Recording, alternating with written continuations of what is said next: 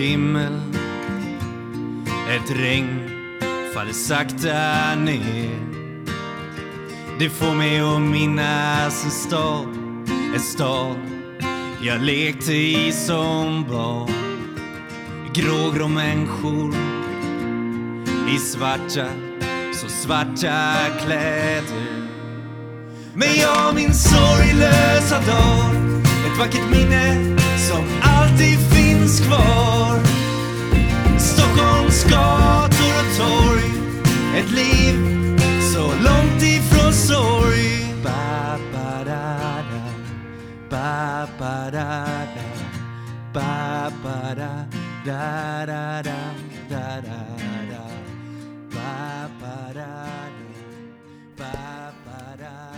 Hej och välkomna till Beroendepodden avsnitt 31. Mitt namn är Anneli. Välkommen hit till er som lyssnar för första gången och välkommen tillbaka till er andra. Eh, tack för alla fina mejl. Eh, vill man komma i kontakt med mig så kan man gå in på hemsidan beroendepodden.com eller skicka på mejlen beroendepodden hotmail.com. Ehm, vem är jag? Ni kan höra mer om mig i avsnitt 1. Det drar den korta och snygga versionen av mitt liv. Men jag lever eh, som nykter alkoholist inne på mitt nionde år. Är en beroende människa och har väldigt mycket erfarenhet av psykisk ohälsa. Då jag även har varit utbränd, eh, väldigt mycket ångest. Levt i destruktiva relationer. Ja, jag har varit med om det mesta i mitt eh, än så länge inte jättelånga liv. Um, jag har haft leukemi i tio år. Eh, ja, ni får väl gå in och lyssna där. Eh, låter som jag håller på att tappa rösten här. Eh, på hemsidan så finns det också en flik som heter Hjälp att få. Där finns det lite länkar till olika ställen man kan vända sig om man har problematik eh, med olika beroenden eh, och sådär. Gå gärna in och kika där. Och man kan även stötta podden om man tycker att podden är bra. Eh, och det står på hemsidan hur man stöttar podden. Men eh, jag och Mats anordnar även ett löplopp som går runt Flatensjön den 16 september. Som eh, eh, också är ett sätt att stötta podden. Att anmäla sig till Flatenloppet och komma dit och gå, jogga eller spring runt. Man måste absolut inte springa, man kan gå runt också. Eh, supermysigt lopp. 5,8 kilometer. Eh, jättefin plats. Och eh, vi har kört loppet i flera år. Första åren så skänkte vi pengarna till Stockholms Stadsmission och sen Trygga Barnen och lite så här. Um, det är i alla fall jätteuppskattat och jättemysigt. Och det är mingel och man kan vinna priser på nummerlapparna, utlottning och så här. Så anmäl er gärna till loppet och vill ni inte delta så kan ni komma dit och eh, kanske vara funktionärer istället. Eh, så. Mm. Och eh, i dagens avsnitt så pratar jag med en fin vän till mig faktiskt. En vän som jag har lärt känna via löpningen. Jag håller ju på mycket med löpning och springer. Jag håller på med ultralöpning självklart. Jag gör ju inte saker lagom. Det är inte min grej. Så mina lopp är ofta 7-8 mil. Eh, och så håller jag på med något som heter swimrun. Det är inte så många som vet vad det är. Eh, men det funkar så att man iförd våtdräkt och oftast i par ska ta sig från A till B i till exempel Stockholms skärgård. Man börjar med att springa och sen när man kommer till vattnet så hoppar man i och simmar och så kommer man till andra sidan då går man upp och så springer man och så kommer man till vatten så hoppar man i och simmar. Och så tar man sig från A till B genom att springa och simma x antal mil. Eh, sådana tokerier håller jag på med. Och jag har faktiskt även en till podcast som heter Svimran-podden. Om man är nyfiken på vad det är. Eh, och eh, den hittar ni på svimranpodden.com faktiskt. Eh, ja, så jag pratar inte bara om sånt här utan jag pratar om mycket träning också. Eh, något jag brinner för. Men kvinnan som ska vara med idag har jag lärt känna genom löpningen. Det är en superfin människa men hon har också en tung bakgrund som hon inte har pratat så mycket om. Så jag ska eh, släppa in dagens gäst.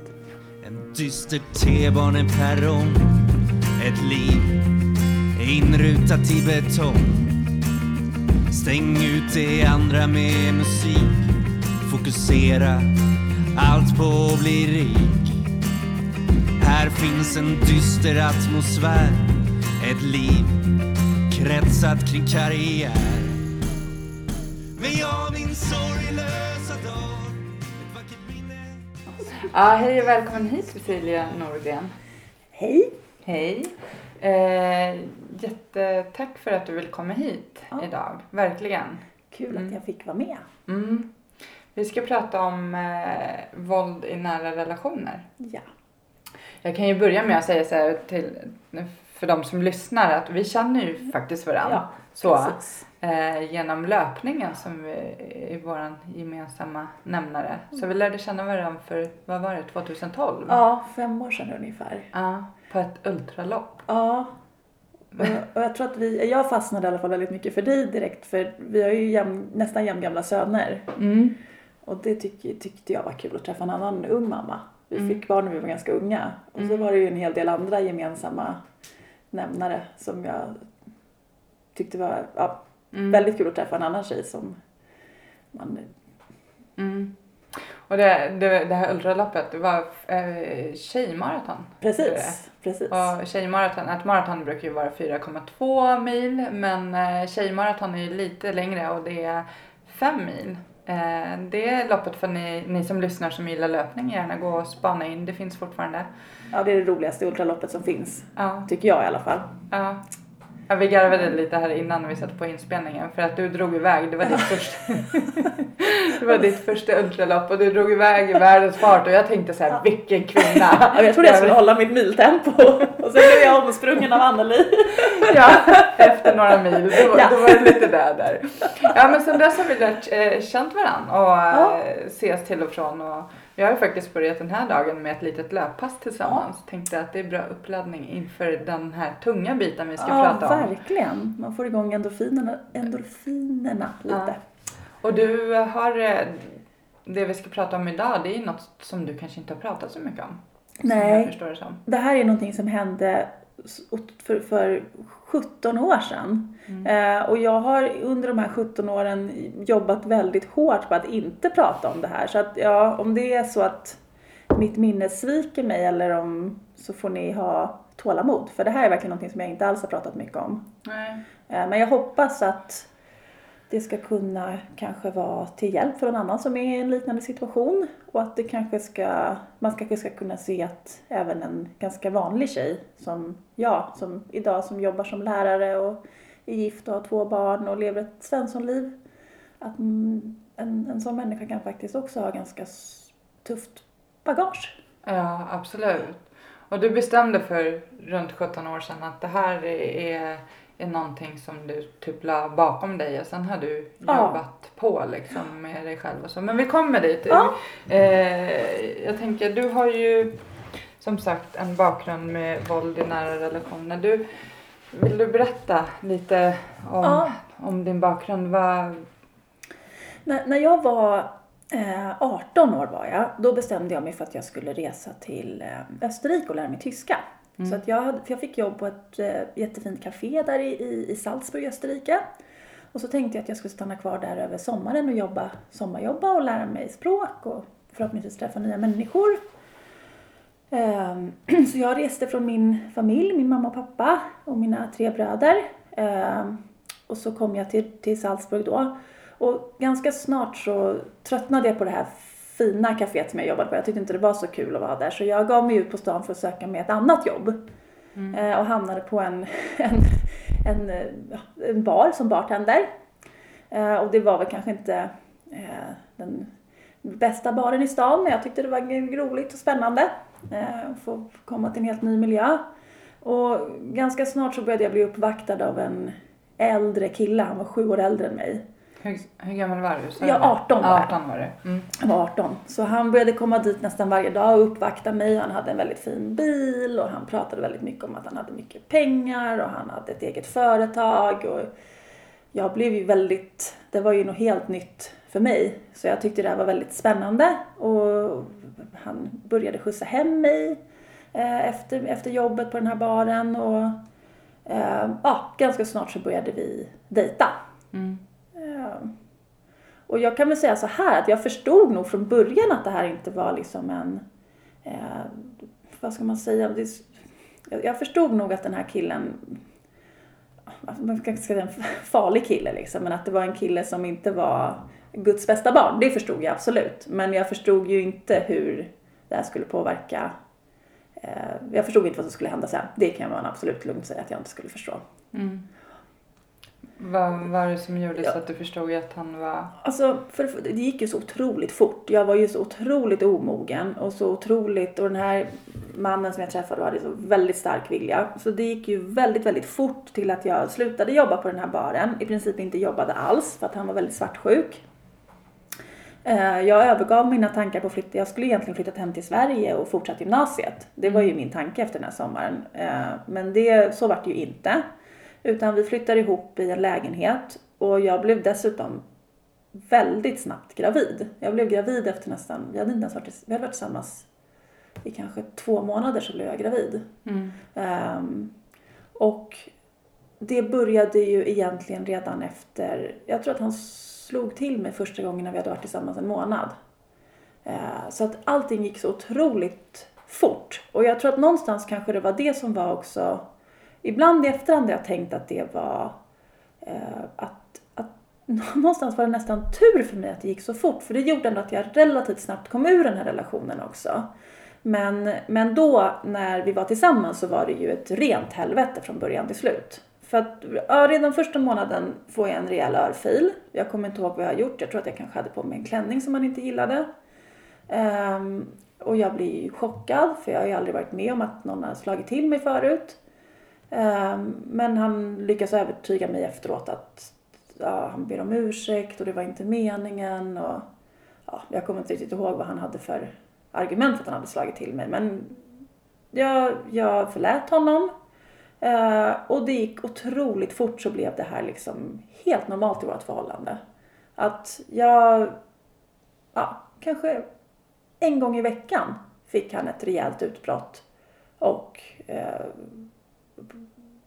ja, slog mig rätt rejält och utsatte mig även för ganska mycket eh, sexuellt våld. Och, eh, och samtidigt just den här um, blev otroligt arg, utsatte mig för övergrepp, blev jätteledsen och bad om ursäkt. Och i de lägena var det ju bara då jag som satt och...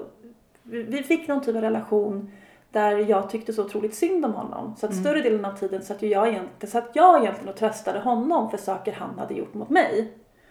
Eh, vilket var... Det, det finns ju en, för, jag tror en förklaring till att det kunde bli normaliserat var ju att han missbrukade hasch. Mm. Eh, han missbrukade hasch och hasch som jag har förstått det har ju den jag, jag vet faktiskt inte riktigt hur det fungerar men som jag har förstått det så fungerar det så att han var ju aldrig våldsam när han rökte hasch. Utan han var ju alltid bara våldsam när han hade abstinens. Mm. Eh, jag är inte liksom, jag kommer inte från en missbrukarbakgrund själv så jag, eh, jag, jag, jag vet inte alls hur det där fungerar men som jag förstod det med honom så var det så att de gångerna han rökte, det var då han betedde Jag har aldrig sett honom hög, jag har aldrig sett honom liksom eh, borta. Utan jag upplevde att han var normal när han rökte. Mm. Det var ju till och med så att han, han körde bil när han rökte, han jobbade när han rökte.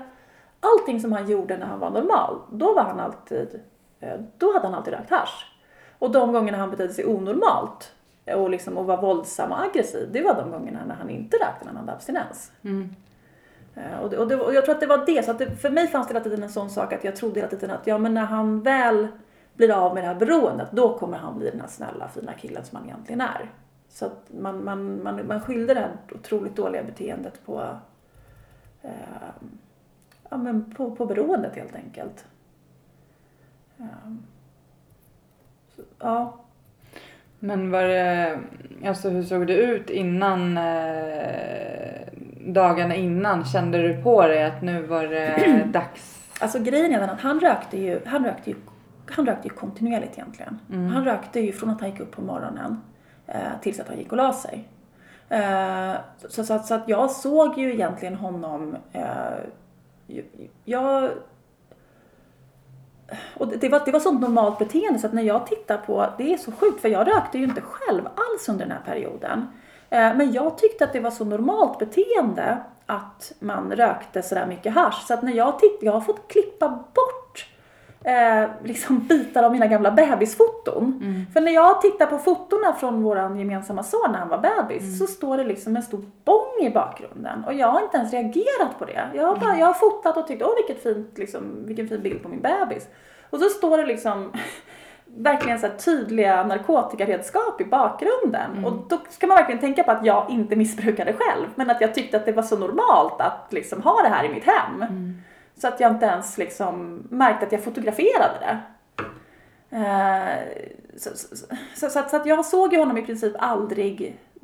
Den gången när den gången när, när ehm, det var en gång som är en sån här sak som var egentligen den gången som triggade till att vårt förhållande till slut tog slut efter alla liksom månader av ganska så svår misshandel. Så, så jag gick ju alltid upp tidigare på morgonen för jag tog ju hand om våran bebis. Han hjälpte ju inte till med bebisen överhuvudtaget. Och så går jag upp på morgonen tidigt. Och på morgonen, det var också en sån här sak som jag hade som rutin som man tycker idag är en sån sjukt grej att man inte reagerar över. På morgonen då så började jag städa undan alla askkoppar och alla liksom gamla staniolpapper från, eh, från haschet. Och sen helt plötsligt kommer han uppflygande då och är helt vansinnig av någon anledning. Och så talar han om för mig att nu ska han äntligen slå mig rejält och den här gången ska han inte göra det när han är påverkad utan nu ska jag för en gångs skull få uppleva honom när han är nykter.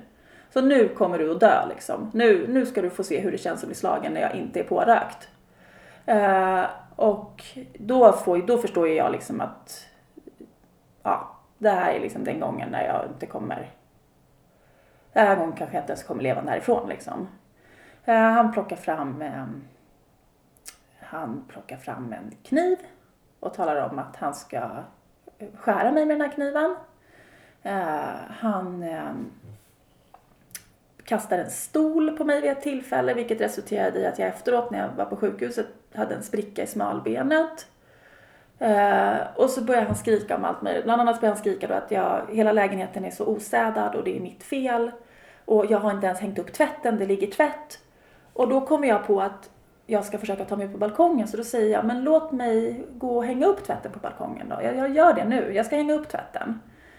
Så han går med på att jag tar tvätten och går ut på balkongen. Och när jag väl då är ute på balkongen, för det är ju ändå, det är på morgonen, så det är ju folk utanför balkongen. Då tänker jag att det här är min enda chans nu att överleva. Så då börjar jag bara skrika till en person som står där nere. Hjälp, hjälp, jag håller, håller på att bli ihjälslagen här. Ring polisen, ring polisen. Um, och, och min, våran gemensamma son då ligger ju kvar inne i lägenheten och gråter samtidigt som det här händer. Och jag vågar ju inte gå in i lägenheten. Jag hör ju bara att min bebis gråter där inne.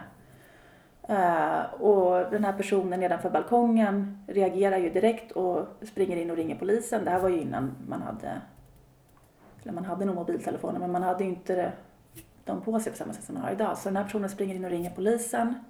Ehm, och då, jag, jag vet ju inte vad som händer inne i lägenheten. Jag stannar ju kvar på balkongen tills polisen kommer. Och jag vågar inte gå in i lägenheten på hela tiden utan jag hör bara mitt, jag hör min bebis gråta där inne och jag vågar inte gå in. Och till slut så kommer, så bryter sig polisen in i lägenheten och då har han lämnat lägenheten för länge sedan. Uh, och, och då när polisen hittar mig, jag är ju totalt sönderslagen. Jag är ju liksom, han har, han skar mig en gång i benet med kniven. Han har slagit mig med en stol så att jag har en spricka, jag har en huvudskada i huvudet. Det vet jag ju inte då för de tar ju mig till sjukhuset och det är där jag får reda på det. Um, men, eh, och då efter, i, den, i den vevan så får jag hjälp att komma till en, en, ehm, en kvinnojour också. Där jag, eh, där, jag, där jag bor i några dagar. Och sen får jag hjälp av mina föräldrar faktiskt att så småningom ta mig hem till Sverige. Uh, och det var egentligen där då vårt, vårt förhållande tog slut. Och det var egentligen den enda gången då när jag såg honom helt och hållet nykter. Och det var ju då som sagt vad jag upplevde att han var, det var ju då jag upplevde att han var farlig på riktigt. Inte när han var pårökt, tyvärr. Så, um, Ja, gud. Ja. Ja. Eh, Och hur gammal var din pojke då? han, han var en månad bara. Så ni förstår, det här gick ju så otroligt fort. Det gick ju från att eh, vi träffades. Efter en månad hade vi flyttat ihop. Efter kanske, jag kan inte ha varit mer än två månader var jag gravid. Mm. Ehm, och under den här korta perioden då som jag är gravid, och då kan du tänka dig också så att han slog mig så pass mycket som han slog mig när jag var gravid. Så är det ju liksom, han slog mig aldrig på kroppen då när jag var gravid, utan det var ju alltid bara i ansiktet. Så jag var ju expert på att sminka, det är också så här grej som låter ju, det låter ju så hemskt när man säger det nu. Men jag var ju expert på att sminka mig för att dölja blåtiror liksom. Det är så här, om någon skulle vilja ha en sminkkurs så kan de ju fråga mig liksom. Eh, så, så att han slog mig alltid då bara i ansiktet för han ville ju inte slå så att han skulle skada barnet. Eh, men det är alltså på en, en period av liksom egentligen ett år som jag hinner få, jag hinner bli, liksom bli totalt sönderslagen. Jag hinner dra på under den här perioden också det här med att han hade så mycket pengar och att han hade eget företag, det var ju bara, det var ju bara ett påhitt. Jag fick ju reda på efteråt att den här fina bilen som han körde omkring med när vi träffades, den hade ju hans exflickvän köpt åt honom. Eh, eller hon hade tagit på sig billånet för den. Ehm, därför att det, det märkliga i den här historien är att när jag hamnar på det här kvinnohuset Eh, så får jag sitta och prata med en, en, en, eh, en kvinna som jobbar där. Och när jag berättar historien om, om mitt ex här för henne, då säger hon att det här låter jättebekant. Det känns som att jag har hört den här historien förut. Och så börjar hon titta i sitt arkiv. Och sen visar det sig att då för ganska precis ett år sedan, alltså precis innan jag träffar den här mannen, så har hans exflickvän lämnat honom och också bott på samma kvinnohus i några veckor. Så den här kvinnan som jag träffar på kvinnohuset, hon har alltså tidigare hjälpt hans ex och fått höra exakt samma historia från henne. Eh, så, och, och det märkliga då i det här är att då, då ringer hon hans ex och berättar att jag är där. Var på den här kvinnan, som en jättefin tjej, hon kommer och hon är den som sitter och så här tröstar mig hela natten och pratar med mig och liksom stöttar mig och jag får till och med sova över i hennes lägenhet. Och hon sitter liksom och, ja, verkligen. Eh, så hon är alltså den som har köpt den här tjusiga bilen åt honom som han hade när vi träffades. Och, ha, och när hon lämnade honom hade hon också flera hundratusen i skulder. När jag lämnade honom hade jag som tur var kanske bara 40-50 tusen i skulder som han hade skrivit på mig. Men för mig på den tiden var ju det jättemycket pengar. Framförallt eftersom jag inte hade, ja men jag hade ingen utbildning, jag hade ingenstans att bo, jag hade inget jobb, jag hade en bebis som var um, Tre månader var Nikolas när vi lämnade. Nu, nu kommer jag ihåg, jag ber om ursäkt. Ja, det är så Mm, länge sedan. Tre, ja, tre månader var han när jag lämnade honom. Jag hade en tre månader gammal bebis. Eh, och, och liksom... Så, så, så att jag, jag, jag, som sagt var, jag upplever ändå att jag kom lite billigt undan när jag jämför med, ehm, med hans ex där. För hon hade flera hundratusen i skulder. Och det, någonstans kan jag tycka att det är så absurt att många i hans närhet, hans familj och hans vänner, de visste ju att hans ex hade eh, befann sig på kvinnohuset samtidigt som han och jag började dejta. Och det är liksom ingen som har överhuvudtaget nämnt någonting om det för mig. När man är liksom jag menar, en 18-årig tjej som träffar en kille och Men hur var han utåt? Alltså hur såg andra på honom? Ja. För att ofta är de ju väldigt charmiga mm. och... Han var ju otroligt bra på, jag tror att det var ju också därför som jag ändå någonstans, han var ju otroligt bra på att prata, otroligt charmig precis som du säger.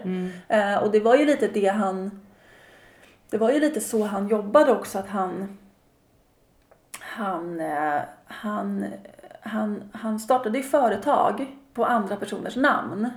Eh, och drev de företagen då tills de gick i konkurs. Och då var det ju den andra personen som fick ta de skulderna. Så att han levde ju, periodvis levde han ju väldigt gott, hade väldigt mycket pengar. Och sen så när företagen gick i konkurs så levde han ju liksom på ingenting. Så att under de här, den här perioden vi bodde ihop också så bodde vi liksom, ena, en bit, bitvis kunde vi bo liksom, ena dagen flyttade vi in i en stor fyrarummare. Men sen gick det åt skogen så hade vi inte råd att köpa möbler. Så då bodde vi liksom i en stor fyrarummare utan möbler.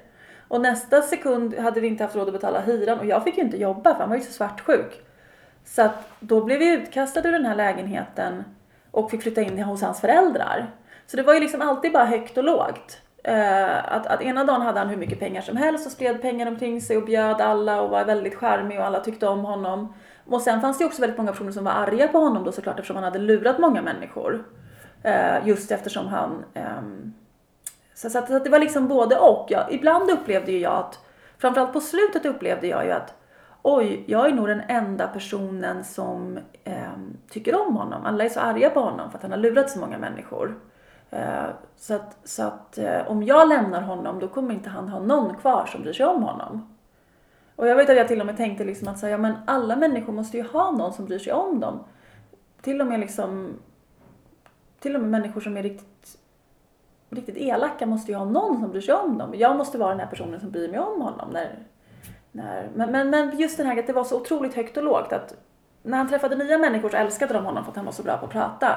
Men ganska snart förstod ju ändå människor vilken typ av person han var. Mm. Eftersom han, han, han, han lurade väldigt mycket människor och han gjorde väldigt mycket dåliga saker mot andra människor också. Och, och samtidigt vet jag en sak som jag tänkte på.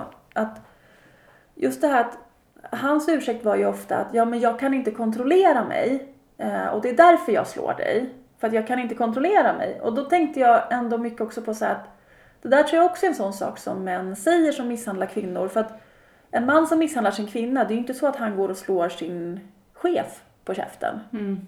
Eh, Utan där kan han ju kontrollera sig. Och en, en sån man går ju inte ut och slår ner folk på gatan hur som helst. Fast han kanske blir jättearg när han kör bil eller vad det nu är. Men det är ju någonstans så, man slår ju sin fru eller sin flickvän för att man faktiskt kommer undan med det också. För att man, man kan göra det. Och, och det så, så, att, så att det här att man inte kan kontrollera sig, det stämmer ju liksom inte. För i så fall så skulle de ju slå ner andra människor hela tiden. Eh, och, och, och det gör de ju inte. Men var det inte så, för så, så var det för mig och Ja. jag vet att det är så för många att man, att det är ju vårat fel att de gör det de gör. Att de får en att Ja. tro att det liksom, Så, alltså jag, hade vi bara gjort ja, på rätt sätt så. Jag tror att med, med, med min före detta man så var det ju mycket att han skyllde ju allt på sitt missbruk. Mm. Eh, och det, jag vet inte, som sagt jag vet för lite om hur det fungerar med, med haschmissbruk. Och då var det ju hela tiden så att han skyllde på sitt missbruk och lovade mig att när han väl lyckades sluta så skulle ju allting bli bra. Då skulle ju han sluta slå mig. Och då skulle han ju kunna jobba på ett vanligt jobb och tjäna vanliga pengar liksom. Ehm, så att jag tror... Men försökte han sluta? Nej, egentligen inte. Utan, eh, ja, egentligen inte. Och just den här grejen att han försökte nog sluta i början. Eh, eller han, han rökte mindre i början då, men i och med att han alltid blev så aggressiv när han inte rökte. Så var det ju på Och det var, det var ju därför den här händelsen var så otäck för mig också som hände på slutet. För att eh, i början då när jag blev gravid så, så sa jag att ja, men om, om jag ska behålla det här barnet och vi ska göra ett försök då måste du sluta ta droger. Det var ju liksom mitt villkor för att vi skulle överhuvudtaget leva ihop. Och då sa han, ja, jag ska fasa ut och sluta röka. Eh, röka hasch alltså. Och sen märkte ju jag att det var ju då han vart aggressiv. När han hade abstinens. Så att när, när, när våran bebis sen väl var född, då var det ju nästan så att jag ville få honom att röka. För det var när han rökte som han fungerade normalt. Eh, Så, så det, det, det fanns perioder när han försökte, men i och med att det var då han var som mest aggressiv så, så, så, så tappade jag hoppet om det och ville bara att han skulle vara lugn. Liksom. Och samtidigt hade man ju någon typ av förhoppning om att ja, om han lyckas sluta helt och hållet då kommer han ju inte få de här abstinenserna och då kanske han kan fungera som en vanlig människa igen. Ehm, så att, så att det, det, det, det var en... Det var en jag, jag, jag tror inte att han... Det är klart att han skyllde på mig mycket sådana saker. Han, han kallade ju mig för väldigt mycket... Det tror jag också är en sån här... Det var ju klart att jag var ju en hora och jag var äcklig och jag var... Sådana saker sa han ju till mig när han var arg på mig. Ehm, att det var otroligt mycket verbal misshandel också. Eh, Så att, så att bitvis så klart att han skyllde på mig. Men samtidigt var det ju så absurt för att han visste ju själv att jag var 18, han var 26. Eh, jag, jag hade i princip inte haft någon pojkvän innan honom. Han hade ju haft, jag menar jag var ju den tredje tjejen fick jag reda på sen som han hade slagit sönder och samman och förstört livet för. Eh, så att någonstans är det klart att han inte ehm, jag tror ändå inte att han... Även om han kunde kalla mig för alla de här möjliga sakerna så tror jag ändå inte att... Så tror jag ändå någonstans att han visste att... ehm, ja, det var inte mitt fel att han slog mig. Liksom. Jag tror inte ens att han någonstans försökte övertyga sig själv om det heller. Mm. För det hade varit så enormt absurt liksom. Ehm, men, men, eh, men ja, det är ju, det, det är ju inte... ehm, Och, ju- och just att hans familj visste, hans familj och hans vänner visste. Berätta, berätta han något om sin egen uppväxt. Hade han själv varit barn till en eh, sån relation mellan föräldrarna? Eller, för jag, jag, man blir ju så här, varför gör de det? Någonstans Ja. måste det ha börjat liksom. Och oftast så är det ju så. Men Ja. jag tänker, var det något som han uttalade? Jag, jag tänkte, jag, jag tyckte faktiskt mycket om hans föräldrar. Jag tyckte hans, hans föräldrar var ändå, även om de, jag kunde bitvis vara besviken på att de inte hade sagt någonting till mig. Och samtidigt förstår jag ju själv att vad ska man säga? Att bli inte ihop med våran son för han slår sina tjejer. Jag vet inte, det, det säger man förmodligen inte. Fast jag hade hoppats att man skulle säga det. Men hur som helst, jag, någonstans tyckte jag faktiskt ändå om hans föräldrar. Hans föräldrar de, de hade väldigt lite skolbildning, de var ganska enkla människor. Eh, och de hade, för dem var det väldigt stort att få en son. De hade, upp, de hade uppfostrat, han hade, en syster, han hade två systrar sedan innan. Eh, och för dem var det väldigt stort att få en son. Så de hade uppfostrat honom väldigt mycket som att han var prinsen i familjen, han var det bästa, han var deras ögonsten, han var, deras, han var det bästa som kunde hända dem, en son var det finaste man kunde få. Så han hade väldigt mycket den här bilden av sig själv att bara för att han var man så var han liksom helt underbar och fantastisk. Och samtidigt så hade hans mamma slagit honom väldigt mycket när han var liten. Att mamman hade Mamman hade slagit honom jättemycket. Eh, Men då ska man ju också tänka på att i den här kontexten som den familjen kommer ifrån så är det ju inte ens olagligt med barnmisshandel. Nej. Så att, så att ehm, det var ju inte någonting som hon, hon, hon sa det till mig efteråt att jag har nog slagit honom för mycket. Men man måste ju slå barn lite för annars kan man ju inte uppfostra dem liksom. Eh, Så, så att han, en kombination av att bli lyft i skyarna som liksom familjens ögonsten och att bli utsatt för ganska eh, grovt våld. Det tror jag är en sån sak som påverkade honom att tycka att så ska det vara i en relation. Liksom. Eh, och, och det, det men, men samtidigt så, så regelbundet som han misshandlade mig och med ett sånt uttalat syfte att verkligen trycka ner mig totalt tror jag inte liksom att eh, någon annan i hans familj utsatte sina, eh, sina nära och kära för. Inte vad jag såg i alla fall. För jag tyckte att det i grund och botten var en Ja, jag, jag, jag tyckte, för någonstans tyckte jag faktiskt om hans föräldrar. Jag tyckte det, det var fina, det var enkla människor men det var fina människor. Ehm, men de hade nog gjort mer fel än vad de, det var nog inte avsiktligt de hade gjort de här felen. Nej men slår man sitt barn så lär man ju barnet att det är okej att slå. Ja. Så är det ju Ja. tyvärr. Och Så är det verkligen. Ehm, den här andra kvinnan som du träffade, hans ex, hur Ja. länge hade de? de hade ju varit ihop i säkert tre, fyra år. Men det var ju en helt fantastisk kvinna. Jag, jag har tappat bort efter, jag var ju så omskakad när jag lämnade honom där så jag, jag sparade ju inte hennes telefonnummer. Det är en sån grej som jag har ångrat. Jag vill tacka henne efteråt för att hon liksom, hon satt ju en hel natt med mig och bara tröstade mig när jag var helt förstörd. Och, så, och, och alla de här sakerna som jag berättade för henne om som han hade utsatt mig för, de kunde ju hon relatera till. Och många av de här sakerna som jag trodde ju man, man, när man lever i den här typen av våldsamt förhållande då får man en sån sjuk syn på... Eh, alltså han kunde till exempel... När han utsatte mig, han utsatte ju mig för, för våldtäkt, det var ju liksom en vanlig grej. Eh, och då så sa han ju alltid till mig efteråt att vad, vad gråter du för? Vad tror du, har jag gjort någonting med dig som jag inte har gjort med dig förut? Vad tror, vad tror du att det här är eller? Det här är ju bara en helt, alltså var, varför gråter du för? Uh, och då, så han fick ju mig att tro liksom att om en våldtäkt sker i ett förhållande, det spelar liksom ingen roll att man verkligen fysiskt ger sig på sin flickvän och, och slår henne och tvingar sig på henne. För att om man har legat med sin tjej innan, då kan det ju inte vara våldtäkt. Eftersom om man har legat med någon frivilligt. Och det var en sån grej som han verkligen intalade mig och som jag egentligen vet är fel. Jag är ju inte dum, jag är uppvuxen Mm. i ett liksom vanligt modell. Jag vet ju vad en våldtäkt är. Men i den situationen var det verkligen så här, nej men det här är inte våldtäkt. Det här är någonting som jag mår jättedåligt av, men det är inte våldtäkt. Och då när jag kunde prata med henne om de här grejerna så var det ju liksom, så var det, var det så, för hon var ju ute ur den här hjärntvätten. Hon hade ju redan släppt den här hjärntvätten, så då kunde ju hon verkligen eh, så när jag hörde henne berätta om de här grejerna så förstod jag ju, ja, det är klart att jag är ju helt hjärntvättad liksom. Jag förstår ju inte vad som är... Eh, också sådana grejer som att han kunde hålla mig vaken hela nätterna och utsätta mig för i princip så här sömntortyr liksom, när man inte låter någon sova.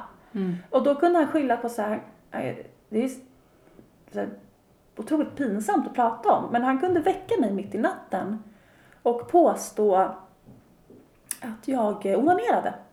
Vilket är en så här helt ja, jag var liksom, vilket jag verkligen inte gjorde. Mm. Och dessutom är det ju en helt, och att det var för honom värre än eh, otrohet. Så då kunde han slita upp mig i sömnen och hävda att jag låg och onanerade och bara börja slå mig mitt i natten. Och det här var så grejer som jag trodde då, men han tror nog att jag ligger och onanerar. Kan det vara så att han tror det liksom? Och sen när jag pratade med henne så visade det sig att han hade utsatt henne för exakt samma sak. Att det var förmodligen när han satt uppe på natten och mådde dåligt eller hade abstinens eller något. Och då ville han hämnas på sin flickvän liksom, eller då ville han... Och då hittade han på sådana här konstiga förevändningar bara för att kunna liksom... Så det var också så skönt att höra henne berätta om de här sakerna som jag trodde att så här, ja men jag, det är nog så att han, han förstår nog inte att han utsätter mig för en våldtäkt. Eller han tror nog att jag ligger där och rör vid mig själv. Eller han tror nog att det... Och när hon sa det så var det så tydligt liksom att nej men han gör det här bara för att plåga mig och tortera mig. Det är bara därför. Så, så, att, nej, men så att hon var verkligen... Ehm, det, det, hon hjälpte mig jättemycket. Även om det tog lång tid att läka i alla fall. Och jag... Um, jag vart ju inte helt fri från honom bara för att jag gjorde den grejen att jag flyttade från vår lägenhet. Mm. För det tar ju längre tid än så att bli fri från en man som, som uh, utsätter en för sådana här grejer. Hur, hur um, men, ja, men berätta, hur såg det ut efter? Hur, försökte, du, ja. försökte du flytta innan den här situationen, äh, den sista situationen? Försökte Nej. du ta dig därifrån innan ja. eller? Jag hade haft några gånger då när jag hade liksom, jag, grejen var att han, när, han, när han slog mig så låste han ju alltid in mig också. Så jag hade ju haft några gånger innan det jag hade... Alltså låste in, han låste in dig i lägenheten, han låste in i lägenheten. och gick därifrån eller? Nej, utan då, han var ju kvar i lägenheten och liksom kunde, låste dörren och kunde misshandla mig i flera timmar då liksom. Uh, hade ni grannar? Hörde de inget? Ja, det är eller? märkligt alltså. Vi bodde ju i lägenheter liksom. Mm. Men det var aldrig någon som hörde någonting. Uh, och jag, förrän den här gången då när jag gick ut och skrek på balkongen. Det var ju den gången jag fick hjälp av en granne. Uh, men, men um, nej. Och, sen, och, då, och då släppte han ju inte ut mig ur lägenheten förrän jag liksom uh, förrän jag då hade förlåtit honom så att säga. Så, att, så att vid något tillfälle hade jag väl då liksom så här, typ, låtsats förlåta honom och sen första gången han gick ut från lägenheten så hade jag försökt springa därifrån. Men då var det ju så med honom att ja men det här som vi pratade om, han var ju så otroligt bra på att spela på mina känslor. Mm. Och det fanns ju, när, när, han hade slagit mig så var ju, jag upplevde det som att han var ledsnare än vad jag var. Mm. Jag upplevde det som att jag var tvungen att trösta honom när han hade slagit mig. För att han var helt förkrossad efteråt för vad han hade gjort.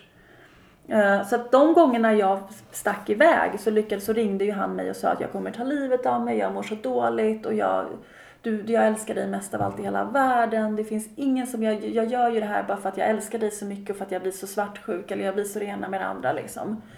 Uh, så, att, så att jag, de, de gångerna innan kom ju jag alltid tillbaka. Men den här gången, i och med att polisen skjutsade mig direkt till kvinnohuset, mm. då kunde ju inte han ringa mig och tjata på att jag skulle komma tillbaka. Så det, jag tror att det var ju det som var en viktig grej där, liksom, att det inte bara var att han kunde ringa mig på min mobiltelefon och tjata tillbaka mig. Um, och sen så, så, ringde jag ju mina föräldrar och min jättefina pappa satte sig i bilen. Min, min pappa och min storebror faktiskt. De satte sig i bilen från Sverige och åkte till Österrike.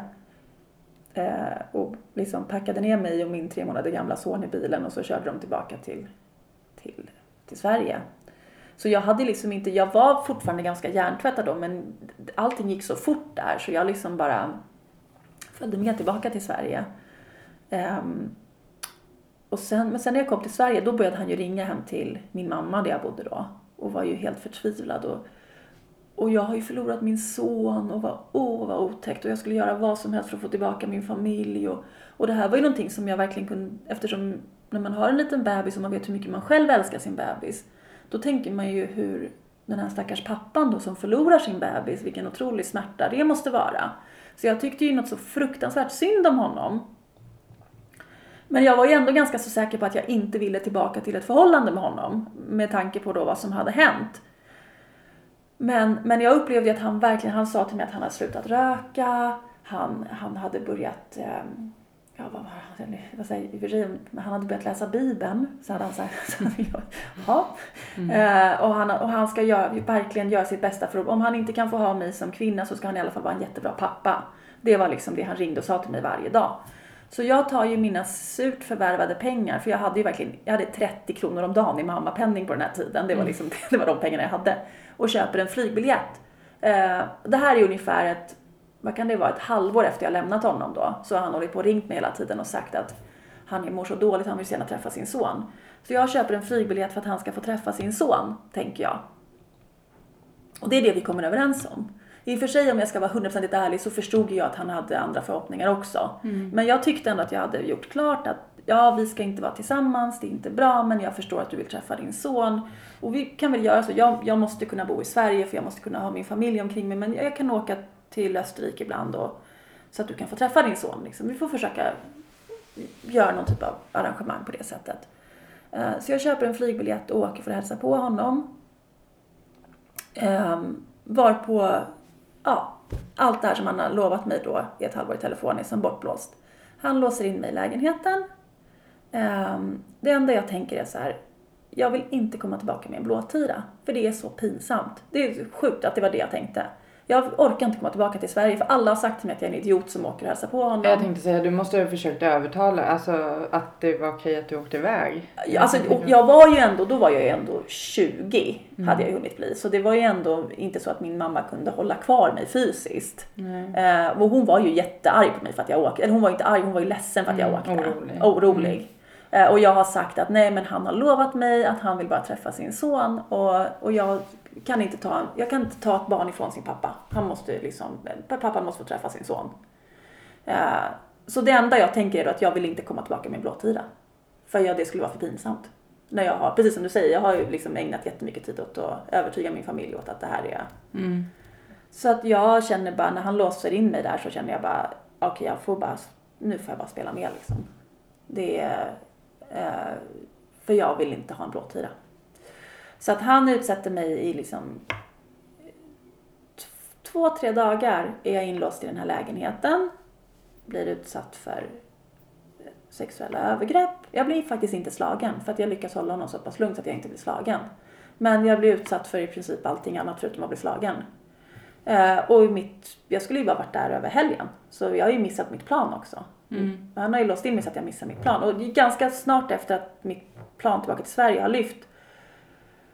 Det är ju då han då, då, då har jag också lyckats ehm, då har jag spelat teater så pass mycket så att han ska släppa ut mig från lägenheten. Alltså ja, och du har rätt, vi ska bli ihop igen och det blir jättebra och jag stannar och det är inga problem och jag, absolut. Så första gången han släpper ut mig från lägenheten då, då eh, vi kommer ut på gatan utanför lägenheten, då, då säger jag bara till honom så här, nu kommer jag gå till polisen. För att eh, jag kommer gå till polisen. Och jag ser hur han blir helt eh, stel, för han har ju trott att, eh, att jag har förlåtit honom då. Det är därför han har släppt ut mig i lägenheten. Så det första han gör är att han sliter eh, babysitten med våran bebis ur handen på mig och börjar springa iväg med bebisen. Och då sa, det här är ju en sån här grej som han har gjort då tidigare, att han har lurat in mig i lägenheten genom att ta våran bebis och gå in. Eh, och då har jag följt efter för att jag har varit rädd för vad han ska göra med bebisen. Men den här gången kände jag att jag, om, jag, om han lurar in mig nu på ett ställe där folk inte kan se mig, då kommer jag ju liksom inte att överleva det här.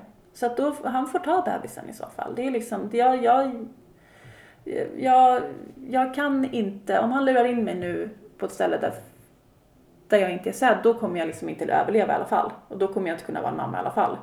Så jag säger till honom bara, spring iväg du. Jag kommer inte springa efter dig den här gången. Jag kommer gå och ringa polisen och polisen kommer hitta dig. Eh, Och då, av någon anledning, så kommer han faktiskt tillbaka och ger tillbaka mig babysitten med, med, eh, med bebisen. Men däremot sliter han ifrån sig min handväska och springer iväg med. Och jag går in på närmsta bensinmack och säger, kan ni ringa polisen? Jag behöver komma i kontakt med polisen. Och så ringer jag polisen och säger exakt vad som har hänt. Jag har varit inlåst i en lägenhet i två, tre dagar. Och mitt flyg tillbaka till Sverige har gått. Och jag har inga pengar. Och nu har jag inte mitt pass heller. För att min, min, min för detta har sprungit iväg med min handväska. Um, så att jag, eh, jag kommer inte hem. Uh, och då faktiskt polisen, jag får, så jag får komma till polisstationen och sitta där. Och polisen ringer faktiskt till flygbolaget. Det är också så här, ibland får man så här, alltså företag som man tror bara ska tänka på att tjäna pengar som faktiskt är ganska medmänskliga ibland. Mm. Så polisen ringer till det här flygbolaget och berättar vad som har hänt. Att jag har blivit inlåst och inte kunnat åka hem och att, min flyg, att jag har missat mitt plan. Och då ger flygbolaget mig en ny biljett. Eh, och, och jag får faktiskt åka hem. Så, så jag fick en ny biljett och fick åka hem. Och då var det ju verkligen så, då kände jag verkligen så att ja, nu, nu kan jag ju i alla fall utan eh, dåligt samvete känna att jag inte behöver ha ta ansvar för att han ska kunna få vara far åt sitt barn längre. Nu har han ju verkligen förvanskat sin... eh, Efter den här grejen, när jag använde mina pengar för att besöka honom eh, och, ehm, och han gör en sån här grej, då är det ju liksom, om han vill försöka vara pappa nu så får han ju liksom, Mm. då får han ju vara det själv. Ehm, nej, då får han ju ta det ansvaret själv. Så att eh, efter det här så ansöker jag om egen vårdnad och får egen vårdnad. Eh, och eh, han, efter, efteråt ringer ju han såklart och är helt vansinnig och ringer och hotar mig. Men av någon anledning också så har jag ändå lyckats. Jag har under den här perioden vi har varit tillsammans så har jag eh, berättat så pass mycket om Sverige. Han känner ju inte till Sverige så bra. Och fått det att framstå som att Sverige är liksom det bästa landet i hela världen. Jag hade väl hemlängtan, så jag, jag trodde väl bitvis på det här själv också. Så jag, hade, jag berättade ju för honom att Sverige är världens bästa land och i Sverige får kvinnor jättemycket hjälp i sådana här lägen. Och liksom, så jag lyckas, när han ringer och hotar mig så säger jag till honom så här, vet du vad? Fortsätt gärna att ringa och hota mig.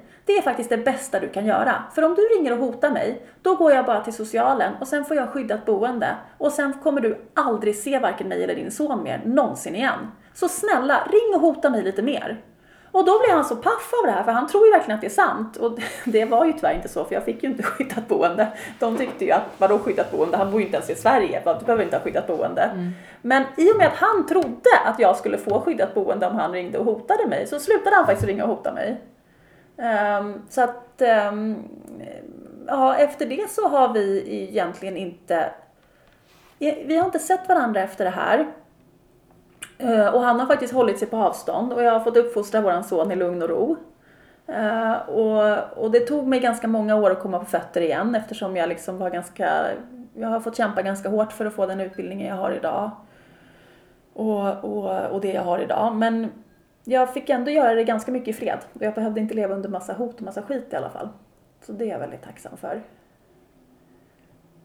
Hur, ja, ja herregud, tack så jättemycket. Men hur alla de här grejerna du har varit med om, traumorna, Ja. hur, hur, hur mår du idag tänker jag? Alltså för det du berättar, det lilla, jag förstår. Ja, Det, det är ju såna sjuka. Ja, jag mår ju väldigt dåligt av att vara omkring folk som missbrukar. Mm. Eh, Alltså jag tycker ju inte om, och det gäller ju faktiskt även alkohol. Mm. Eh, Jag tycker det är otroligt obehagligt när folk dricker sig redlöst berusade. Mm. För jag tycker inte om när folk är liksom okontrollerade. Och jag tycker, så att, så att det, det blir jag ju väldigt, jag försöker ju liksom att, ehm, jag, jag, jag, det, det, det tycker jag är otroligt obehagligt. Och jag blir ju väldigt, jag är ju gift idag med en jättefin kille. Och ni har ett gemensamt. Ja, vi har ett gemensamt barn. Mm. Men jag, han tycker ju bitvis att det är jobbigt för att jag klarar ju inte av högljudda diskussioner. Mm. Om han skriker på mig liksom så då går ju jag bara därifrån. Mm. För jag kan inte ha en stor man som står och skriker på mig. Mm. Då, och det tycker ju han ibland är liksom det är ju inte helt normalt och man måste ju kunna bråka utan att liksom Mm. men jag känner i det läget jag är i att jag behöver inte, jag har sagt att jag vill inte ha, jag har blivit kallad för, så- jag har blivit kallad för så mycket fula ord. Mm. Och jag har haft en person som har skrikit på mig så mycket. Och jag har liksom, jag vill inte bli kallad för fula ord mer. Nej. Så att liksom, eh, om någon kallar mig för fula ord, då går jag bara därifrån. Då Mm. stänger jag bara av liksom. Eh, och om, om, om man står och skriker på mig så stänger jag bara av, då går jag bara därifrån. Men jag, jag som jag sa till dig tidigare, jag, jag fick ju fatta ett beslut eh, när jag kom tillbaka till Sverige och jag stod att jag, jag har en liten tre månaders bebis som jag behöver ta hand om och jag har ingenting. Och då bestämde jag mig för att antingen sätter jag mig ner och gråter och tycker synd om mig själv. Och det vet, då vet jag inte hur lång tid det tar. Då kan jag, det, det kan ta hur lång tid som helst. Mm. Eller så börjar jag jobba och försöker komma på fötter. Och sen så har väl jag alltid tänkt lite att Ja men och sen någonstans när det lugnar ner sig lite där framme då ska jag försöka ta tag i det här och kanske prata med någon. Mm. Men den, den tidpunkten har ju aldrig riktigt, riktigt kommit. Mm. Utan det livet, livet går ju på liksom.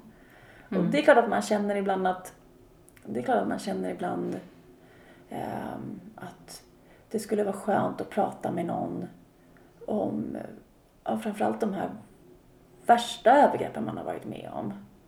Ehm, men samtidigt är jag lite rädd att det blir som att öppna på Pandoras ask, att det blir liksom man vet inte vad som kommer komma ut då. Mm. Så du har aldrig pratat med andra kvinnor som har varit med om samma situation? Nej, Och... inte förutom, förutom med hans ex. Ja. Det är den kvinnan jag satt och pratade med en hel natt. Och Mm. hon kunde ju förstå mig in i minsta detalj. Hon hade ju varit med om exakt samma sak. Mm. Eh, Men annars så har jag, annars så har jag faktiskt inte riktigt... Jag, jag gick till någon... Jag gick till något kvinnohus i Sverige också, som låg på Söder någonstans. Men då upplevde jag också att jag var fortfarande så indoktrinerad i den här synen. Jag var så det var länge som jag var så indoktrinerad i den här synen. Min, min bästa tjejkompis berättade för mig en gång att jag sa till henne på fullaste allvar att Ja, men jag skulle inte ha någonting emot att få en örfil ibland. Men det är de här gångerna när han slår mig helt sönder och samman som jag inte kan eh, med. Och då var min kompis helt... Och det här var ändå en sån sak som jag sa efter jag hade lämnat honom.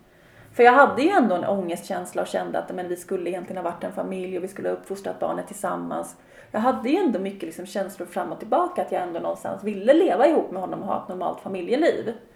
Eh, Så, så jag hade sånt, och, och då när jag pratade med de här, när man gick på kvinnohus, idag är jag verkligen så här, idag ser jag mig definitivt som en feminist och jag är verkligen jätteintresserad av kvinnors rättigheter. Mm. Men på den tiden, så när jag träffade de här äh, väldigt liksom starkt troende feministerna som ofta jobbar på kvinnohem, då blev det så långt ifrån min vardag. När de pratade liksom om eh, liksom kvinnoförtryck som som jag upplevde nästan som så här, men vadå är det där kvinnoförtryck? Det är väl liksom bara helt vanliga det är ju helt vanligt. Jag, jag, upp, jag kunde liksom inte riktigt connecta med dem då. Då var det då att jag drog mig mer undan. Idag tror jag att jag skulle kunna mycket mer liksom, relatera till den typen av kvinnor. Men då var det bara konstigt för mig liksom att jaha, ni tycker liksom att kvinnor och män ska typ ha lika mycket i lön. Jag tycker att kvinnors rättigheter är att typ slippa bli sönderslagen på fredagskvällen liksom. Så här helt, helt liksom ehm, eh, och just att jag var så ung också. Men hade du någon, eh, någon relation innan som hade varit dysfunktionell? Eller var det här en första liksom? Jag, jag tror att jag, jag kommer från en hyfsat, jag tror att ehm, min, min mamma är en väldigt speciell person. Hon är jättesnäll och hon, hon, hon är en av de personerna som har hjälpt mig jättemycket. Hon är verkligen den som har, hon hjälpte mig att passa min bebis när han var liten så att jag kunde jobba, så att jag kunde utbilda mig. Men när vi var små så hade hon en period när hon mådde väldigt psykiskt dåligt. Eh, Och då var det väldigt mycket så att hon gjorde saker mot mig som kanske inte, hon skulle aldrig ha slagit mig men hon, hon, hon kunde ändå göra saker som var ganska liksom, hon kunde skälla ut mig väldigt mycket och liksom få mig att känna mig väldigt eh, ledsen och dålig. Och sen så efter hon hade gjort de här grejerna så var hon alltid väldigt ångerfull och bad väldigt mycket om ursäkt. Ehm, och, och, och, och jag tror att det mönstret lite var ju ett sånt mönster som jag då kände igen från min relation till mamma. Att en person gör mig väldigt ledsen och sen ber den mig väldigt mycket om ursäkt. Det kändes som en så väldigt så normal grej för mig. Eh, Så att jag tror att just det mönstret var en sån grej som var väldigt lätt för mig att falla in i. Att oj, oj, oj, här är en person som beter sig illa och som gör mig ledsen. Men sen ber den mig jättemycket om ursäkt och då måste jag finnas där och trösta den personen. Jag, jag tror ibland, jag vet inte om det är en sak som jag har lagt till efteråt, men när jag tänker tillbaka så tänker jag egentligen att jag aldrig var jättekär i den här mannen. Utan att vår relation ganska tidigt byggde på, kanske inte aldrig från början, i början var jag imponerad av honom. Men ganska tidigt började vår relation snarare bygga på att jag tyckte synd om honom. Mm.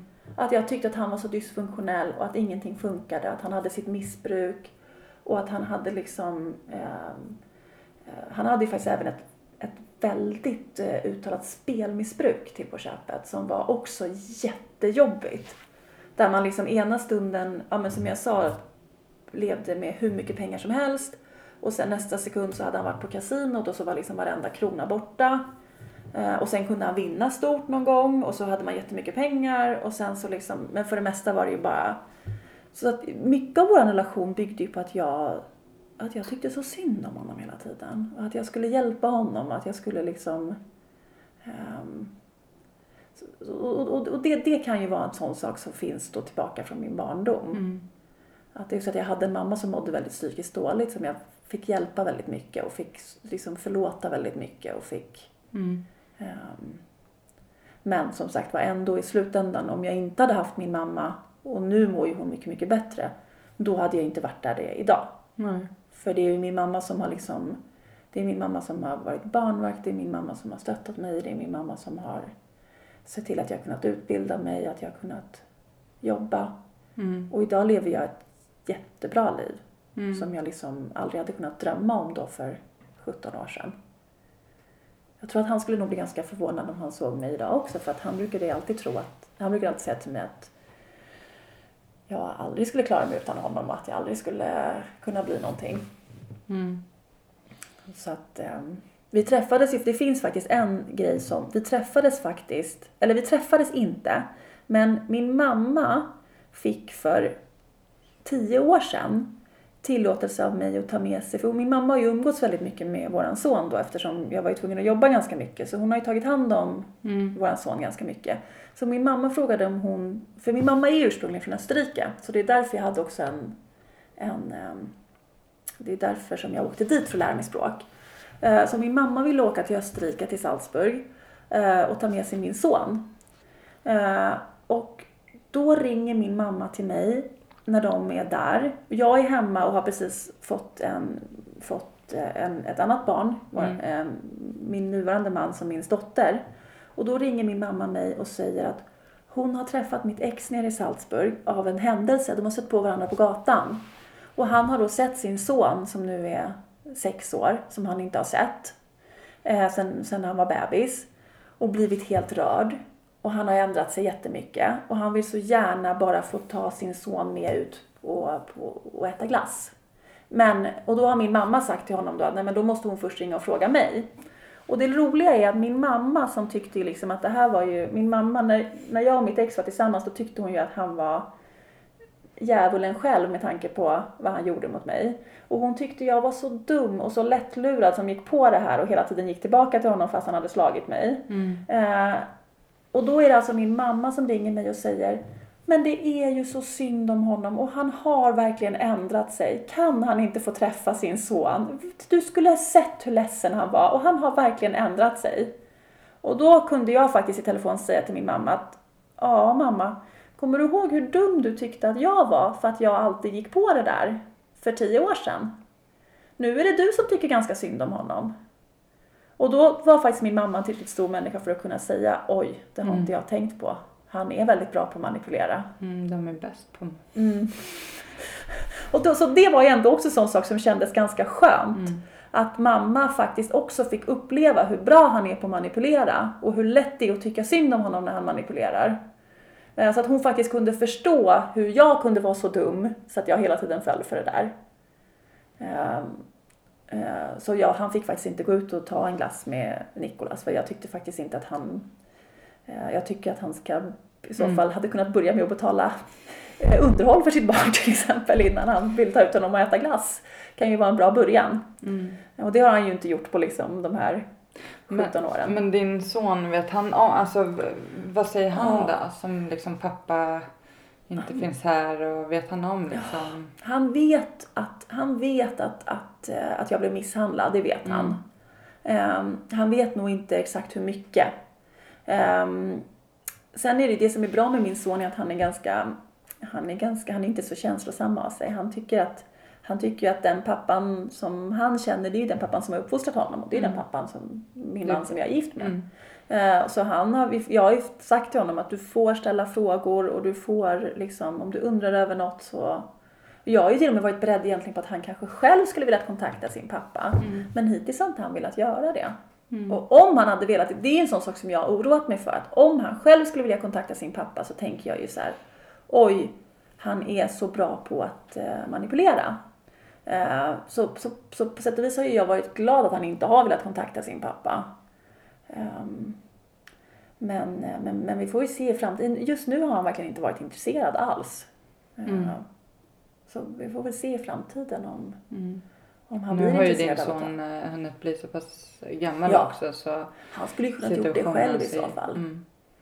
Men Ja. när, när du, sista gången när du var nere och du ringde polisen och så, Ja. det, det blev inget åtal eller något? Jo, men det är så sjukt. För att det är också en sån här sak som jag tänker på. För att då blev, eftersom jag gjorde ingen polisanmälan själv.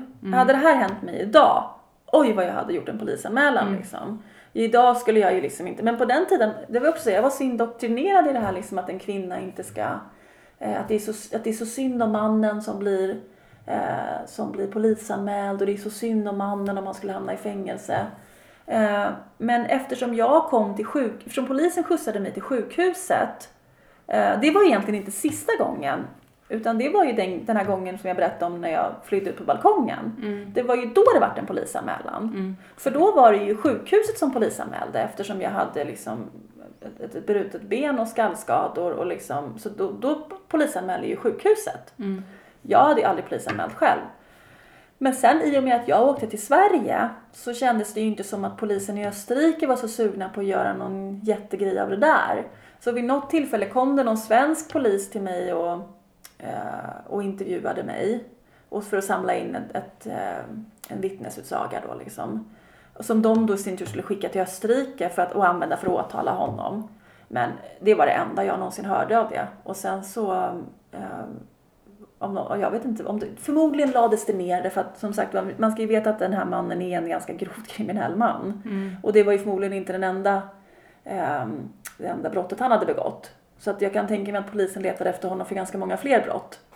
Och då tyckte de väl att den här lilla misshandelsgrejen var inte någon stor grej. Så då var det, när jag inte drev det själv så var det ingen annan som orkade driva det. Så att, Men orkar man driva sådana saker? Alltså, så här, som, jag, jag hade dessutom den åsikten att jag inte skulle begära någonting och att jag inte skulle, att det var inte viktigt att han hade misshandlat mig liksom. Så att, som sagt, vad hade det varit idag, då hade, och när jag tänker, alltså jag tycker ju att en kvinna som blir misshandlad av sin man, man blir av med massa år. Nu, just, just som tur var för mig, jag blev bara av med kanske ett år av själva misshandeln, lite drygt ett år. Men det finns kvinnor som blir av med mycket, mycket fler år av sitt liv. Man, man, det är år där man förlorar inkomst för man kan inte jobba när man har en svartsjuk man som, som, som låser in en och som man blir av med alla liksom, kontakter och jobb man har. Man blir man, det är ett stort psykiskt lidande och det, är som, det allra minsta man kan begära är ju att man ska kunna få ett skadestånd. Eh, så man faktiskt kan liksom komma på fötter igen. Men så tänkte ju inte jag då. Så, så skulle jag ha tänkt idag. Att jag, om jag har blivit utsatt för de här grejerna så har jag i alla fall rätt att få någon typ av skadestånd. Med tanke på hur mycket man har förlorat. Så att man kan få hjälp att komma på fötter. Då kanske jag hade kommit på fötter tidigare än vad jag gjorde nu liksom. Eh, Men då, då kände jag ju bara oj, oj nej men det är synd om honom om han hamnar i fängelse och, och inte liksom, jag, jag tänkte inte ens i de banorna liksom att jag, att jag förtjänade någon typ av kompensation. mm. Um, det, det, um, tyvärr vart det inget uh, riktigt åtal då. Han är ju polisanmäld men det har varit aldrig någon, Men hans andra ex, hade hon anmält honom eller hade hon? hon hade inte heller gjort det. Och på henne hade han brutit fingret. Han hade alltså slagit henne så mycket att hennes lillfinger hade gått av. Uh, du vet det var ju verkligen så här, uh, hon, har, hon har ju skador som liksom hon, fort, hon kommer få leva med resten av sitt liv. När man, man bryter ett finger på det viset så det, liksom, det läker ju aldrig ihop ordentligt. Ehm, men hon anmälde inte honom heller. För det, är också någon, det var också någon sån där någonstans ändå liksom att ehm, nej men man, man, jag tror inte, man, man tänker inte på att man själv också har rätt att bli kompenserad. Jag tror att det är många kvinnor i det läget som inte tänker på det. Eh, vilket man ju verkligen har rätt att bli liksom. Man, man tänker på liksom, ja, men man tänker på, man, man läser ändå att folk, och det är ju bra, men folk som får skadestånd efter att bli utsatta för en våldtäkt så kan de ju få ett skadestånd på liksom eh, ja, men 50 000 och då tänker man att man har blivit utsatt för det nästan varje vecka i över ett år. Och man har blivit utsatt för liksom, då vore det ju verkligen rimligt att man fick någon typ av kompensation. Och Mm, att framförallt att absolut. mannen också får betala för det på något sätt för det han har gjort. Men ehm, när du levde i förhållandet och du Ja. blev utsatt och dokumenterade du eller berättade du för någon eh, eller? Nej, jag gjorde inte det för jag skämdes så mycket. Eftersom de flesta människor, alltså, de, de flesta människor i min närhet förstod ju att han, alla människor förstod att han slog mig kan vi säga. För att jag hade blåtiror och jag, liksom, jag fick inte jobba. Jag var ju en person innan som hade varit ganska social och liksom pluggat och gjort massa saker. Och jag gick från att vara en person och alltid hade massa extra jobb, alltid gjorde massa saker. Jag gick från att vara en person som liksom som hade ett väldigt aktivt liv och jobbade och pluggade till att bli en person som bara var hemma. Som inte, jag hade inget jobb, jag hade inga studier, jag hade ingenting. Och, liksom, och som sagt jag kanske trodde själv att jag var bra på att sminka över mina blåtiror men jag var nog inte så bra på det. Så typ Men var det någon som sa något då? alla, alltså mina föräldrar var så arga på mig. Eh, och mina bröder var så arga på mig. Och mina kompisar var så arga på mig. Alltså det var verkligen så här. ehm, det var verkligen så här, alla visste liksom. Och vad sa du? När de... Ja, nej men då var det ju just sådana där saker som, ja men sådana där saker som jag kunde säga till min bästa kompis då liksom att eh, eh, Ja men om jag bara fick en örfil någon gång ibland så skulle det inte vara så illa. Uh, och, jag, och jag försökte ju, jag tror inte att jag försökte dölja det så Gud, det var ju så länge sedan det här nu. Jag, jag tror inte att jag liksom förnekade att han slog mig, för det hade ju varit idiotiskt. Och det, som sagt var, alla visste ju det. Uh, men, men jag tror däremot att jag, jag tror att jag mycket drog mig undan om jag ska vara ärlig.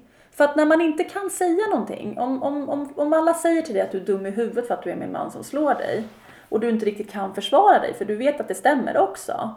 Då, jag berättade ju aldrig några detaljer men, men folk har ju ögon liksom. Då blev det mer så att jag bara drog mig undan. Jag ville inte liksom, jag träffade inte mina släktingar i Österrike. Eh, mina föräldrar, de försökte ju komma och hälsa på ibland men då höll jag dem också mycket på avstånd. Och liksom mina kompisar hemma i Sverige, de, man skrev väl brev till dem liksom, men då berättade man ju bara om det positiva. Eh, så att, så att ehm, Finns det något ut, eh, eh, jag tänker här om Finns det någonting någon utomstående hade kunnat sagt eller gjort som hade kunnat få dig att så här, Jag tror min pappa skrev ett brev till mig en gång. Där han, och det var ju det han gjorde sen också. Han skrev ett brev till mig så här att Cissi, jag vet vad som händer. Ehm, och, så, och så skrev han så här, ja, min pappa var ju så här väldigt kall svensk. Som inte uttryckte känslor så mycket. Men då skrev han så här, och jag, jag älskar dig Cissi. Och du behöver bara säga, du behöver bara säga till en gång så sätter jag mig i bilen och kommer och hämtar dig. Det var typ det han skrev. Inte så här du är dum, du är korkad, varför gör du så här? Utan han skrev bara Cissi jag vet vad som händer och jag älskar dig. Du behöver bara säga till så är jag där på en gång. Och den gången då när det verkligen gick snett då, då var han ju det sen också. Då ringde jag ju honom och han satte sig i sin bil liksom och körde hela vägen från Sverige. Och packade in mig. Och min jättefina storebror gjorde det också. Så att jag tror att, jag tror att den där grejen att man kanske inte man kan ju inte tjata på en person man älskar att lämna ett destruktivt förhållande. Utan jag tror att man kanske bara, just den grejen, jag finns här. Den dagen du säger till, då står jag redo. Ja, nej, pappa, pappa gick faktiskt bort ganska nyligen och det är därför det är lite känsligt fortfarande. Men han, ja, det är ju liksom, jag tror också att det är en sån sak, att man har haft en sån manlig förebild i sitt liv gjorde ju någonstans ändå att jag tror faktiskt också att det var en sån sak som gjorde i slutändan att jag kunde ta steget att jag kände så här att nej, jag vill inte vara ihop med en sån här man. Jag kanske aldrig kommer hitta en man som är precis som min pappa, men jag förtjänar i alla fall någon som är i närheten liksom. Och ja, det kan man väl nästan säga att jag har idag, att min man är ganska lik min pappa. De är båda musiker och ehm, ganska lika på ganska många sätt. Och den, eh, tack för det att eh, just det här, vad gör man när man känner någon som sitter i den där Ja. relationen och så här, för den är jättesvår. Men jag Ja. tror också det att säga att jag finns här, ja, jag lyssnar, eh, mitt hem är öppet. Eh. Den dagen du säger till, då står jag här. Men liksom, man kan inte tjata på en person att... Jag har ju sett det själv också i efterhand. Jag har ju haft andra kompisar som har haft destruktiva förhållanden. Som man har känt liksom att men herregud, man vill bara örfila upp personen och säga liksom kan du skärpa dig och lämna den här personen Ja. nu?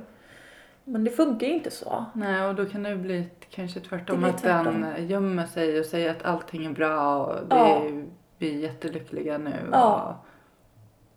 Precis, det är precis Mm. så det blir. Att då vill man bygga upp någon typ av lycklig fasad liksom, som Mm. bara blir skadligare. För då, då, får, då ser ju familjen och vännerna ännu mindre vad som händer bakom stängda dörrar. Och, mm. Nej, men så är det verkligen. Och sen så de här, någonstans, man går igenom svåra saker men de här, de här eh, liksom familjemedlemmarna eller vännerna som sen verkligen, som verkligen sen ställde upp. Det är också sådana här saker som man minns för resten av sitt liv då liksom. Um, och det hade jag ändå mycket. Jag, jag tror också att det är i grund och botten kan jag ju känna det liksom att jag har ju haft, jag kommer från en hyfsat trygg bakgrund. Jag har fina föräldrar och jag har fina vänner. Då har man ändå, man har någonting att falla tillbaka på. Även om man kan råka ut för en sån här sak så kan man ta sig därifrån. Mm. Ehm, det, det får man vara väldigt tacksam för Mm. faktiskt. Ja. Och vi ska avsluta och avrunda och jag är jätteglad för att du är här och delar med dig. Jag har ju hört delar liksom när vi har varit ute på våra löpturer. Ja. Vi, vi umgås ju oftast så att vi är ute och springer Ja, och tar en bästa sättet. Och, och eh, du har ju berättat en del men, eh, men verkligen inte så här. Nej, Jag känner att det... det... har jag knappt gjort för, för någon som sagt var. Man, eh, man, man har väl varit som sagt var rädd för att öppna Pandoras ask men jag tycker att det känns ändå som sagt var, det som jag hoppas är att man ska förstå att det här är inte någonting som bara, okej nu var mitt ex var drogberoende och han var kriminell. Ehm, men jag menar, det här är ändå någonting man kan råka ut för i alla samhällsklasser och i alla... eh, Ja, vem som helst kan hamna Ja, där. ja. Så är det ju. verkligen. Och jag vet tyvärr att det finns alldeles för många i min bekantskapskrets som sitter där eller har suttit där. Och, och alla har olika bakgrunder. En del har eh, kanske inte haft eh, bra förutsättningar från Nej. början medan en del har haft det. Och det är liksom, Ja.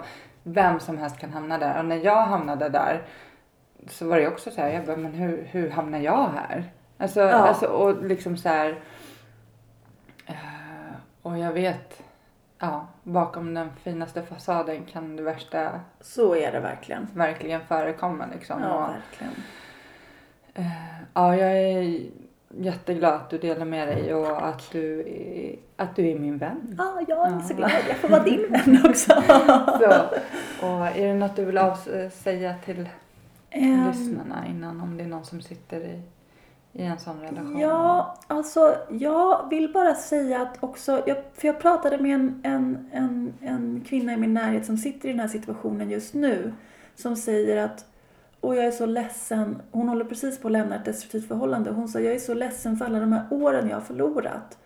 Och jag känner så här att så ska man ju inte tänka utan tänk på alla dess, de, de här glada åren man vinner när man bryter sig loss från ett sånt här förhållande. Mm. Det är liksom, jag, jag tänker mycket på det, att jag har de här liksom, den här perioden som var jättejobbig. Men jag har ju vunnit så många eh, otroligt bra och fina år genom att jag lyckades bryta mig loss. Eh, så att om man sitter i ett sånt här förhållande, sitt inte och tänk på alla år du förlorar utan när du väl känner dig redo och vågar ta steget då kommer du vinna otroligt många bra och positiva år. Och man, man kan läka och man, man, ehm, man kommer gå så otroligt mycket starkare ur, ur en sån här grej. Om man, eh, om, man, ehm, om man har rätt människor runt omkring sig och får rätt stöd. Vart vänder man sig? Det finns olika... Socialtjänsten kan man vända sig Mm. till. till Jag tyckte ju, nu var det ju inte jag i Sverige, nej. Men det här kvinnohuset som jag bodde på i Österrike tyckte jag var fantastiskt. Att man hade liksom, eh, att det fanns ett systerskap där. Mm. Jag tror att kvinnojourer, man, att bara ringa till en kvinnojour kan ge, ge otroligt mycket Mm. styrka. Och sen så tror jag att ehm, polisen i, i, i Sverige är ju idag också mycket bättre utbildad på hur man ska hantera sånt här. När, när polisen kom och hämtade mig i Österrike där, den här gången jag var ute på balkongen, Då var ju det första polismannen sa till mig så här, ja, ja, ja, här kommer vi att rädda dig, men jag vet ju att om någon vecka är du tillbaka hos honom i alla fall, för det är så misshandlade kvinnor fungerar. Och då kände man ju så här, mm, de, de hade kanske inte gått på så mycket så här, eh, de hade nog inte gått på så många utbildningar i hur man ska prata med misshandlade kvinnor. Och så tror jag inte att det är i Sverige idag. Jag tror att polisen i Sverige är ganska eh, utbildade och kompetenta inom det här idag. Så, så våga ta hjälp av kvinnojourer, våga ta hjälp av polisen. För det är ju faktiskt ett brott man blir utsatt för om man blir misshandlad. Ehm, och, och, och, förhoppningsvis hitta människor i sin närhet som kan stötta en. Mm. Det, är- det, det är nog det enda tipset jag kan, jag kan ge. Så jag tror att man, man vet ju innerst inne vad man behöver göra. Det är bara det att man måste våga tänka på sig själv också lite och inte... ehm, många kvinnor blir så självuppoffrande. Ja men det är att man tycker så synd om annan. Ja men det har jag hört, det är klassiskt. Alltså, Eh, Och, och och för- han ska ha ändrat sig och Ja. det är synd om honom och hans bakgrund. Och, Ja.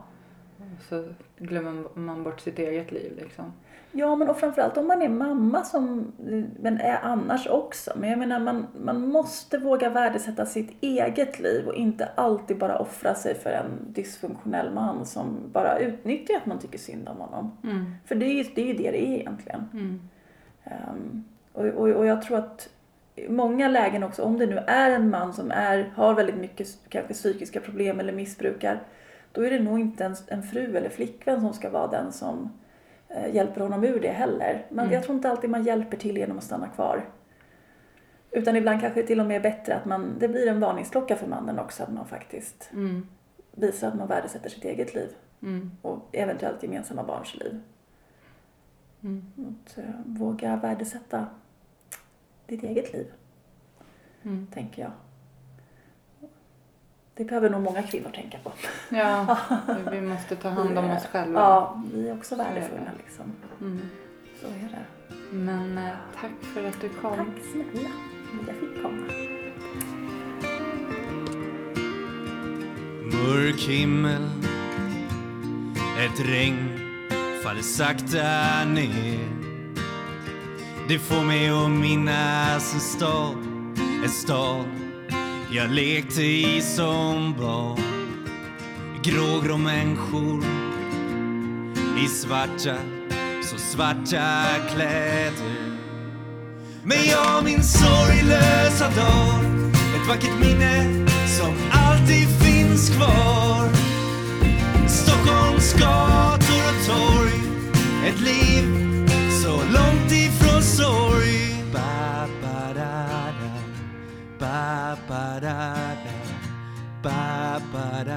da, da, da, da, da, da, da.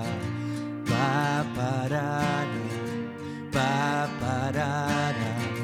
Ba, ba, da, da, da, da da, da, da En dyster T-baneperrong Ett liv inrutat i betong Stäng ut det andra med musik Fokusera allt på att bli rik. Här finns en dyster atmosfär. Ett liv kretsat kring karriär. Men jag minns sorglösa dag. Ett vackert minne som alltid finns kvar. Stockholms gator och torg. Ett liv så långt ifrån sorg. Ba, ba, da, da.